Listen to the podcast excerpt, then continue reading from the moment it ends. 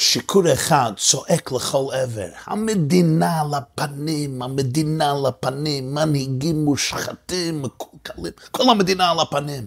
השוטר שעבר באזור רץ לכיוונו ושואל אותו, מה אמרת?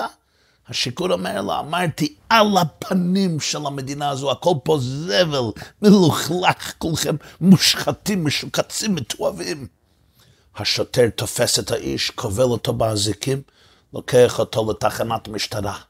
מחר נכנסים לבית המשפט, השופט פונה לשיכור ואומר, איך אתה מקלל במילים גסות כאלו את המדינה שלנו? מה אמרת? שיכור אומר, אמרתי, מדינה על הפנים, אבל לא התכוונתי לישראל, התכוונתי לאיראן. השופט אומר, או oh, וואו, סליחה. הוא כועס על השוטר שסתם בזבז מזמנו והאשים אדם חף מפשע. השופט גוזר על השוטר קנס כספי גבוה על ניצול סמכויותיו לרעה. כשיוצאים מבית המשפט, פונה השוטר לשיכור ואומר לו, איך זה שאתה מקלל ואני מקבל את הקנס? אומר לו השיכור, לא אמרתי לך שהמדינה על הפנים?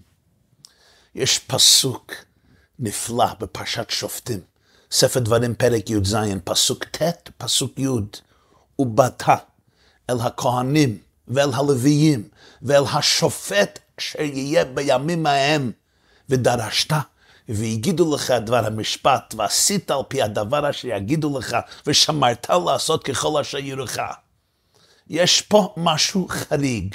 התורה אומרת, ובאת אל השופט אשר יהיה בימים ההם. המילים אשר יהיה בימים ההם מיותרות וגם מוזרות. ברור שאני אבוא לשופט שחי בתקופתי, גם אם אני רוצה מאוד, אני לא באמת יכול ללך לשופט שחי לפני מאה או חמש מאות או לפני אלפי שנים, או שאולי יחיה בעוד אלף שנה. התורה יכולה להגיד, ובאת אל הכהנים, הלוויים ואל השופט, וזה היה מספיק. כולנו היינו מבינים שהכוונה היא שתבוא לכהנים ולוויים ולשופטים שחיים בימינו. ולא בתקופתם של ג'ורג' וושינגטון, או של אלכסנדר מוקדון, אלכסנדר הגדול, או נפוליאון, או יוליוס קיסר, או להבדיל שלמה המלך. השאלה הזו נשאלת בתלמוד, בגמרא במסכת ראש השנה, דף כ"ה עמוד ב', אומרת הגמרא.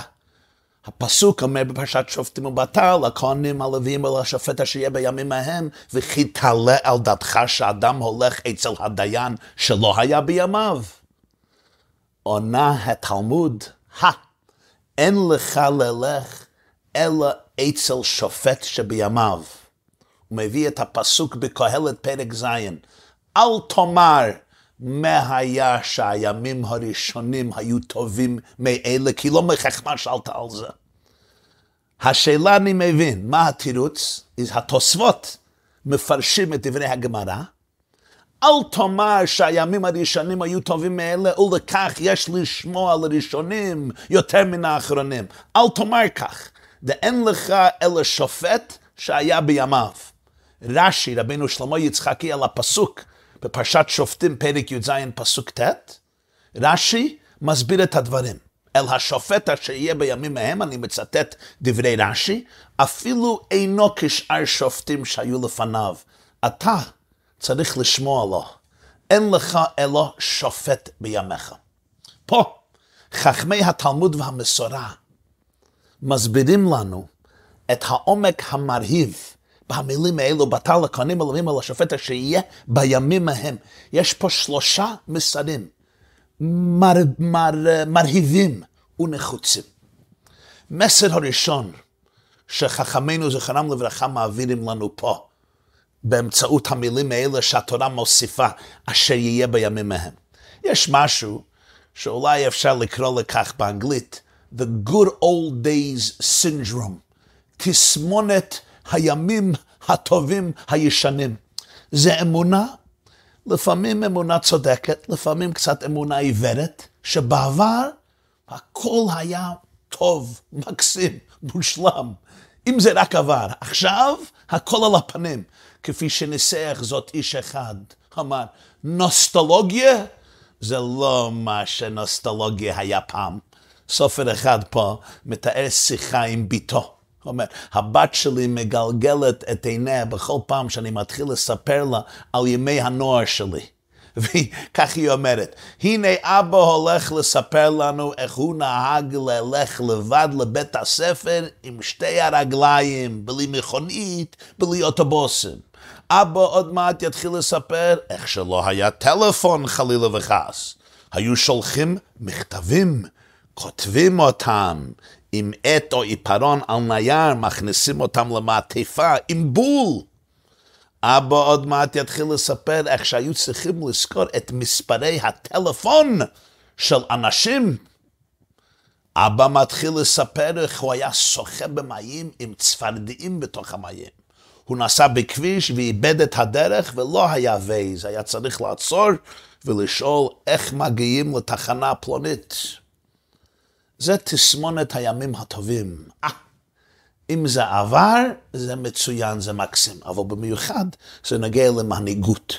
יש שם מתוננים, אך הימים הטובים, בעבר היו מנהיגים, בעלי שיעור קומה, נאמנים, מסורים, שונאי בצע, יראי השם, היום אין כלום, אין עם מי לדבר, אין לי איפה לקבל הדרכה, השראה. כולם על הפנים, כולם פוליטיקאים, אוהבי בצע מושחתים. יש מדרש בקהלת, מדרש רבה בקהלת, פרק א', מדרש נפלא ורלוונטי. רב אבא בר כהנא, רב אבא בנו של רב כהנא אמר, יהיה בעיניך דור שבא כדור שהלך. לא תאמר, אילו היה רבי עקיבא קיים, הייתי קורא לפניו. אילו היו רבי זירא, רב זירא ורבי יוחנן קיימים, הייתי שונה לפניהם. אלא דור שבא בימיך, וחכם שבימיך, כדור שהלך והחכמים הראשונים שהיו לפניך. איזה מדרש רלוונטי. כל אחד אומר, תביא לי רבי עקיבא, אני אקבל הדרכה ממני. תביא לי רבי יוחנן, תביא לי רבי זיינה, תביא לי רש"י, תביא לי הרמב"ם, תביא לי הבעל שם טוב, תביא לי האריזל, אז אני אקבל מהם, אין בעיה, אני אקבל הדרכה, אני אקבל השראה, אני אלמד לפניהם, אני אשב למעלה אל גותיו, ואני אקשיב ואפנים כל טיפת חוכמה. אז ראשית, גם אז אמרו, תביא לי מישהו מהדור הקודם. זה דבר אחד. דבר שני, זה לא טעות שאתה ואני ואנחנו חיים בדור הזה. זה לא טרגדיה. זה חלק מהתוכנית האלוקית. ודאי יש ירידת הדורות. איך הגמרא אומרת בשבת, אם ראשונים כמלוכים, אנו בני אדם, ראשונים כבני אדם, אנו כחמורים ולא כחמורות של פנחס בן יאיר. אך שור דרי, אומר רש"י, בתמיהה. אבל לפעמים האגו שלי, או הפחד שלי, מתחבא תחת השמיכה. אין כלום בדורנו, כולם עקומים, כולם בורים, כולם פוליטיקאים, אף אחד לא יודע מה הוא עושה. ודאי, יש מושחתים. ודאי לדאבוננו יש אוהבי בצע, לפעמים האהבה עוברת כל גבול. ודאי יש מנהיגים שמביישים את עצמם ואת מעמדם ואת קהילותיהם. ודאי יש השחתה. כל אחד, לדאבוננו, מכיר אלה מאיתנו, וגם מנהיגים, שלפעמים ימכרו את נשמותיהם ואת נשמות של אמותיהם, וגם את אלוקיהם, עבור נזיד עדשים, או משהו קצת יותר יקר מנזיד עדשים. אבל אסור שהאגו שלי יתנפץ, או הפחד שלי יכבוש אותי, ואני אכנס לייאוש. ואין שום דבר, אין כלום, אין עם מי לדבר, אין ממי ללמוד, אין ממי לקבל ייעוץ ודרך. יש ויש יראי אלוקים. כשאומרת המשנה בפרקי אבות, עשה לך רב וקנה לך חבר, זה נאמר גם לי וגם לך. איך אמר קהלת בפרק ז', פסוק י', אל תאמר, וזה הפסוק שהגמרא מביא בראש השנה, אל תאמר, מה היה שהימים הראשונים היו טובים מאלה, כי לא מחכמה שאלת על זה. פעם הרבי מלובביץ' בהתוודות הסביר את הפסוק הזה בצורה נפלאה. הוא אמר, תקשיבו היטב למה שאומר קהלת. הוא לא אומר שזו לא שאלה. אל תאמר מה היה שהימים הראשונים היו טובים מאלה. הוא לא אומר שזו לא שאלה. אומר, כי לא מחכמה שאלת על זה.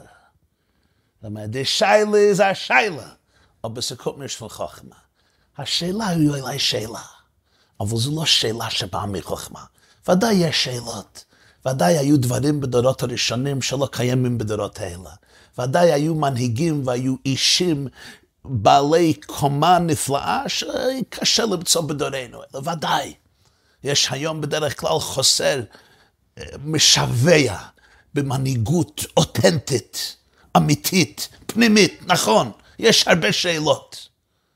אבל לא עם החכמה שאלת על זה. זו לא שאלה שבאה מחכמה, מתוך חכמה עמוקה וקדושה. כולם בחכמה עשית. החוכמה הקדושה, החוכמה האלוקית מחייבת לנו לומר שלכל דור ודור יש שליחות וייעוד משלו, ושכל דור מקבל את כל המשאבים הדרושים לו כדי להגשים את יעדיו. סוג המנהיג והשופט שאני צריך כדי לעמוד בייעוד שלי ובתפקיד שלי היום, יש לי. אם רק תהיה לי הענווה. לרדת מהסוס הגבוה שלי ולהיפתח בפני אנשים שאולי אינם מושלמים, אבל מושלמים למה אני צריך. אין המדובר פה על נאיביות וטיפשות, להיות פגיע, אנשים שישתמשו בי לרעה, חלילה וחלילה. בן אדם צריך להגן על עצמו, להגן על אוהביו ואהוביו, ובפרט ילדים וילדות ותלמידים ותלמדות. אבל הנקודה היא, לא מחוכמה שאלת על זה. חוכמה בתורת הקבלה ובתורת המחשבה והחסידות עניינה ביטול. בזוהר כתוב חוכמה, חכמה, זה שתי מילים. כוח, מה? הכוח, היכולת להגיד מה. להיות סקרן, להיות פתוח. איך אומר משה רבנו? ואנחנו מה? מה אנחנו? אנחנו צינורים, אין פה אגו מנופץ, כי לא מחכמה. כשיש לי ביטול, כשאני מבין שיש פה תוכנית אלוקית, אין מקום לייאוש. איך אמר הרב הקודש רבי ישראל מרוז'ין? יש סוגיה בגמרא במסכת בבא מציע על ייאוש שלא מדעת. זאת אומרת, ייאוש זה לא מדעת. אם יש ייאוש, פירוש חסר לי בדעת, חסר לי בחוכמה. יש שאלות, יש שאלות. אבל כשיש לי חוכמה, אני מבין. זה לא טעות שאנחנו בדור הזה. ובפרש, בפרש, אתה יכול למצוא בני אדם, אולי מקרוב, אולי מרחוק, שיכולים לתן השראה, שיכולים לפתוח את הלב שלך, שאתה יכול לקבל הדרכה ולגדל ברוחניות ובגשמיות באמצעותם. לא משתחווים לבן אדם, לא סוגדים לבן אדם, לא הופכים בן אדם לאלוקים, חלילה וחס, בן אדם הוא בשר ודם. אבל יש לך שופט בימיך.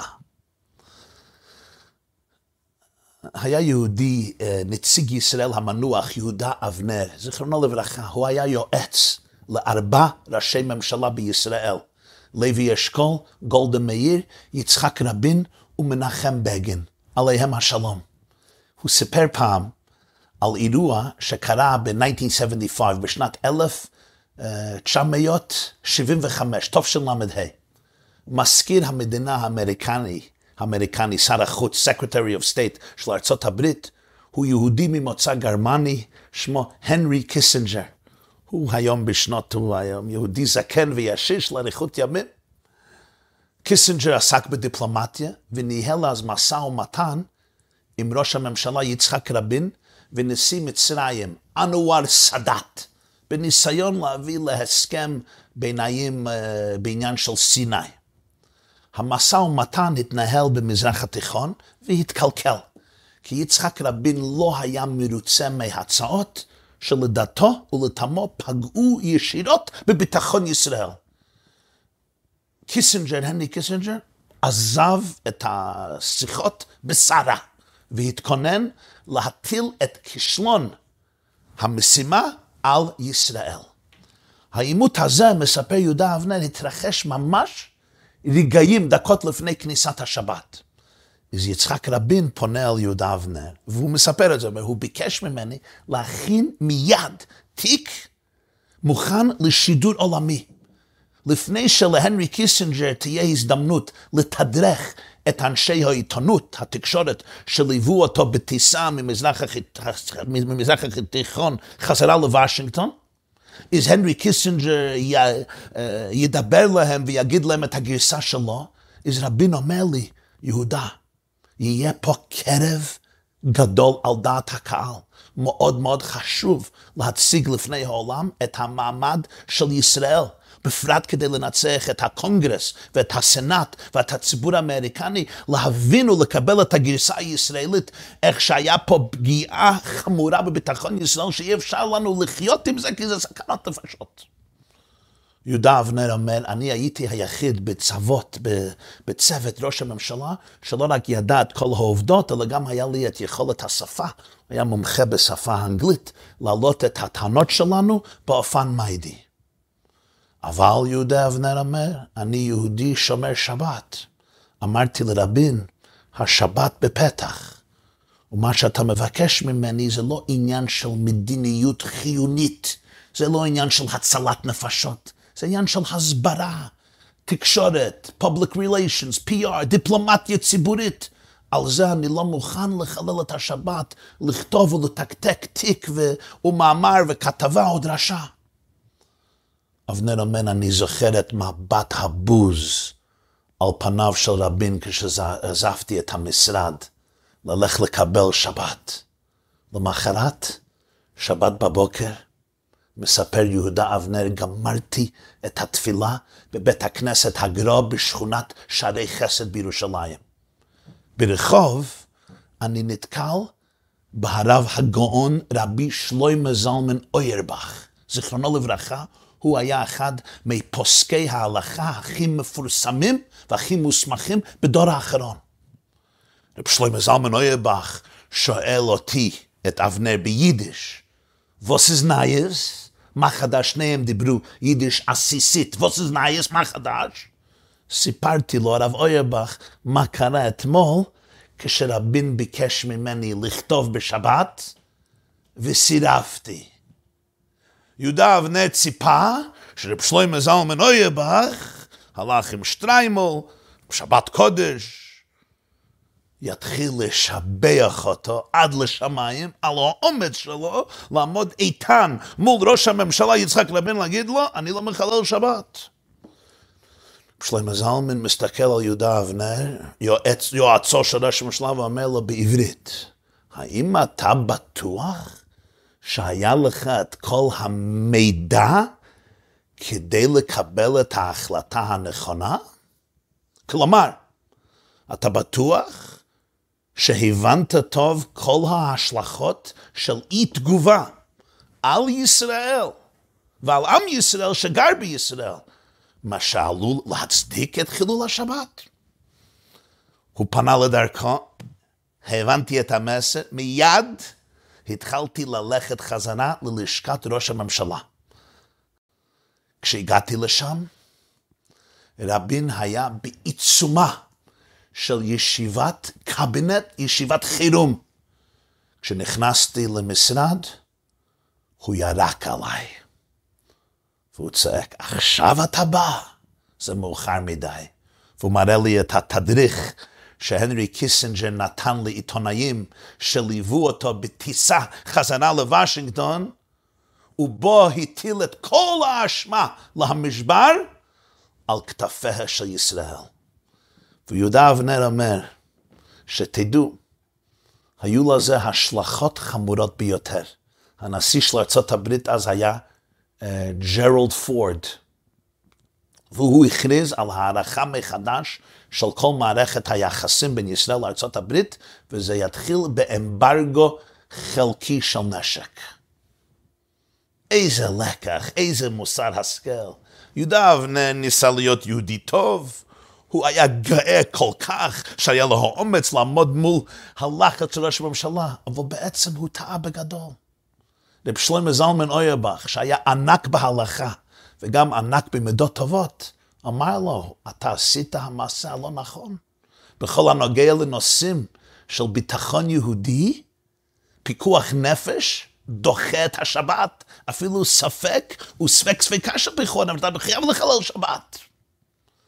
אין לך אלו שופט בימיך. ויש פה גם מסר שני.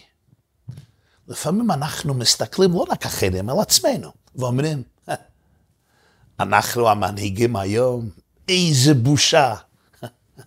אבא פונה אליי ואומר, אני מסתכל על עצמי ואומר, אני אבא לילדים שלי. אני סבא לנכדים שלי, איזה בושה. לי היה סבא, אני הסבא, אני הסבתא, אני אהיה מנהיג בדור שלנו, אני הרי מכיר את עצמי, את חולשותיי, את הטראומות שלי, את הבעיות, את התסבוכים, את החסרונות, את האתגרים, את הטעויות, את הנפילות, את החטאים. גם על זה אומרת התורה. ובאת אל השופט אשר יהיה בימים ההם, אין לך לשופט בימיך. נשיאה השישי של ארצות הברית, היה בן אדם שמו היה ג'ון קווינסי אדמס. הוא מת בפברואר 1848, 1848, תפרשת. הוא אמר פעם באנגלית, ואני אתרגם את זה. If your actions inspire others to dream more, learn more, do more, and become more, you are a leader.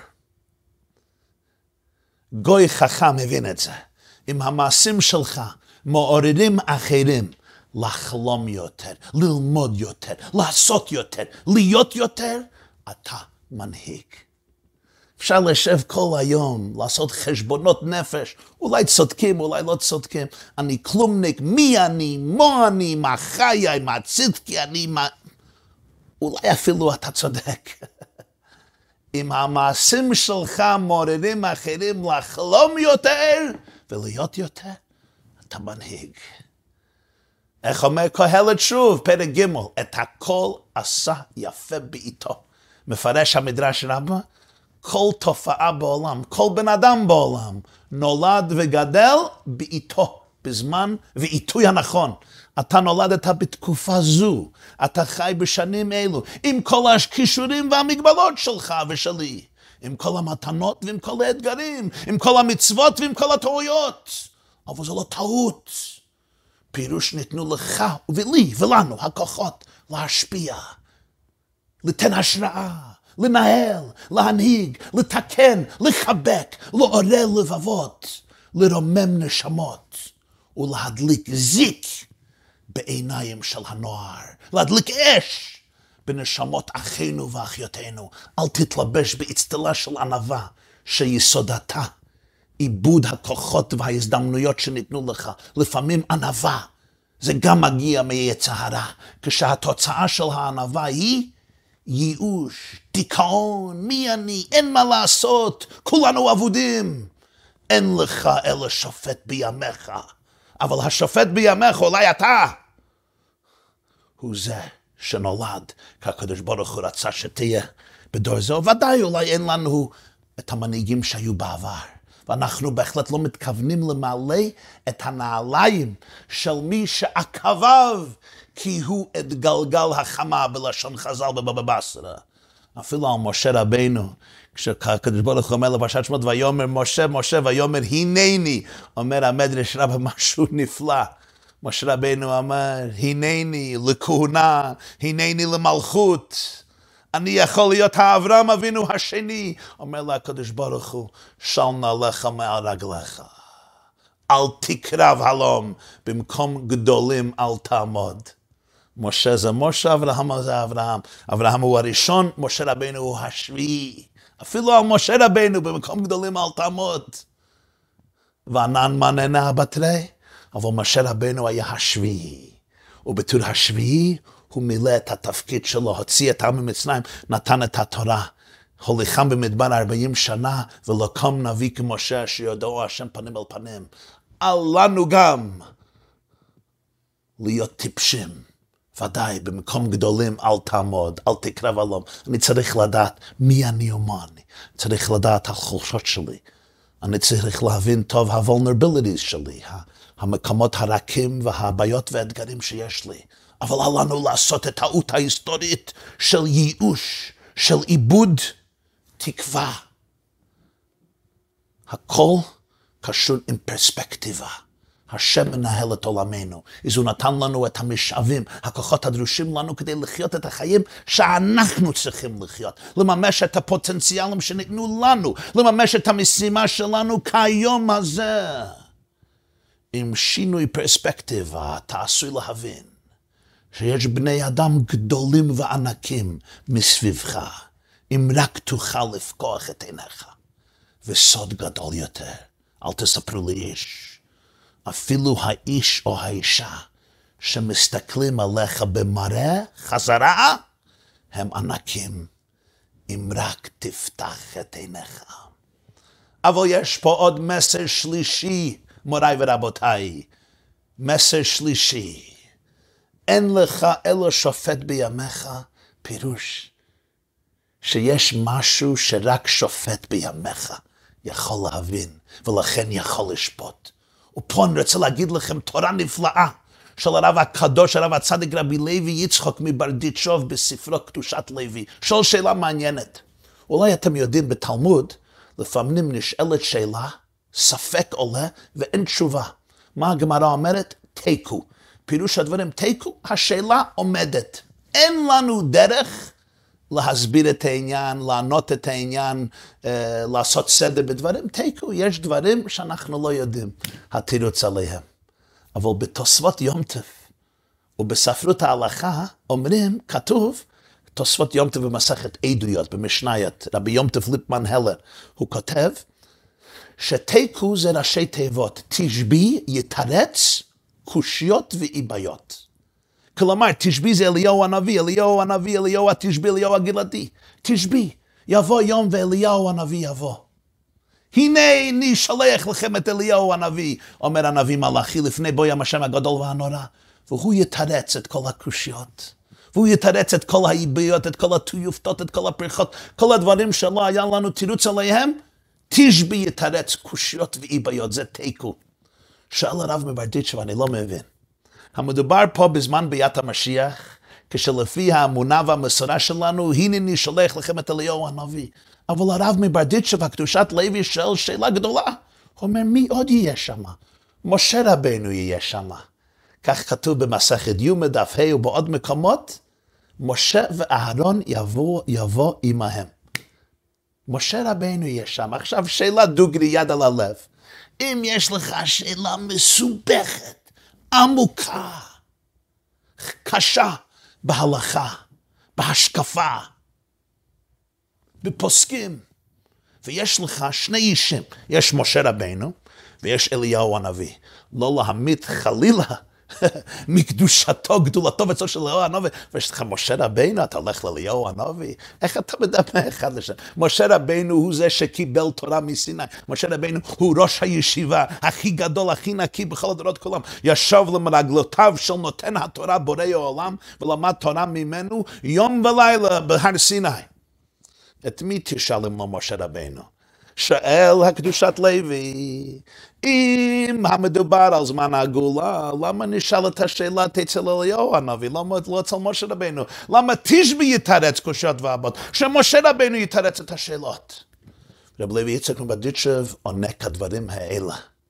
ואני אומר את התמצית, הוא מעריך בזה בהרבה, זו סוגיה מעניינת, בהזדמנות אחרת, באיזה שם עוד חזון ללמוד בלי נדר, אבל נקודה אחת מתומצתת מה שהוא אומר. אומר, איפה משה רבנו היה במשך שלושת אלפים שנה האחרונות? איפה הוא היה?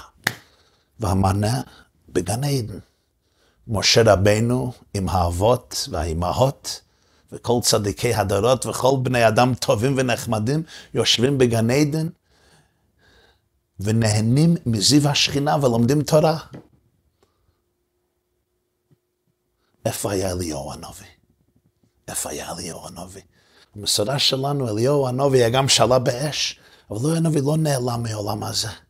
אליהו הנביא מגיע, אליהו הנביא מבקר, כתוב מדרש אליהו הנביא מגיע לכל ברית מילה. כיוון שהוא אמר לקדוש ברוך הוא, כנו קינאתי להשם צבאות, שכולם עזבו את הברית, אומר הקדוש ברוך אתה מקטרג על העם שלי, אתה תבוא ותבקר כל ברית, ותראה שעם ישראל לא עזב את הברית. מכניסים כל ילד בן שמונה ימים לבריתו של אברהם אבינו. אליהו הנביא מגיע בליל הסדר לכל סדר, בכל ארץ ישראל ובכל התפוצות. איזה איפה אליהו הנביא במשך שלושת אלפים שנה? הוא מסתובב, הוא נמצא בבתי כנסיות, בבתי מדרשות, בבתים יהודים, בשוקים יהודים.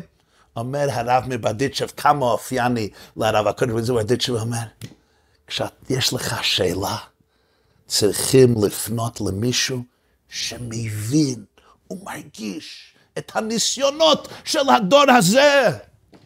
לא מספיק מישהו שהוא גאון עולם, אפילו קדוש איש אלוקי. צריך שתהיה לו אמפתיה, הבנה, הזדהות עם מה שקורה בדור הזה. אומר משה רבנו, מי ידמה לו, מי ישווה לו למשה רבנו. בכל ביתי נאמן הוא, אומר הקדושת לוי, אבל הוא בגן עדן. הוא בעולם אידיאליסטי, בעולם עליון, בעולם אלוקי שלושת אלפי שנה. אליהו הנביא הסתובב, מסתובב בין יהודים. הוא יודע על הכאבים, הוא מבין את האתגרים, הוא יודע על הניסיונות, הוא יודע מה זה מסע מפרכת של נשמה בתוך גוף בעולם הזה. כשיש לך שאלה גדולה, תשבי את הרץ קושיות והבעיות. זה אין לך אלא כהן שבימיך. פירוש הדברים, דווקא הכהן שבימיך. דווקא מי שאזניו קשובות לבכי הדור, לרגש הדור, לחוויות הדור. הוא מבין את בני הנוער, הוא מבין את בנות הנוער, מבין את הילדים, את הילדות, את הנערים, את הנערות, את הבחורים, הבחורות, את המבוגרים. הוא מבין מה שקורה, הוא יודע מה שקורה בתוך נישואים ובתוך זוגיות, בתוך בתים ובתוך בתי ספר, במערכות החינוך ובשלום בית. הוא יודע מה שקורה בתוך המוח ובתוך הלב, הוא יודע מה שבני אדם עוברים. הוא מבין, הוא מרגיש. אה, עכשיו אתה יכול להגיש להם תורה אמיתית, תורה אותנטית, תורה אלוקית, שמדברת באמת אליהם, לקיים את הפסוק כי קרוב אליך הדבר מאוד וחברך לעשותו. לסיכום, יש לנו שלושה מסרים במילים האלה של התורה, ובתר לכהנים ולווים ולשופט אשר יהיה בימים ההם. בימים ההם, מסר ראשון, אין לך לשופט שבימיך, אל תשב כל היום ותגיד, ימים הראשונים היו טובים מאלה, עכשיו הכל מיואש, אין כלום. זו טעות חמורה. לא מוכח מה שאלת על זה. מסר שני, גם כשאתה מסתכל על עצמך, אל תשלח את עצמך לעזאזל ותגיד, מה אני, אני כלומניק. טעות חמורה, אין לך אלא שופט בימיך. ומסר שלישי, צריך שיהיה שופט בימיך.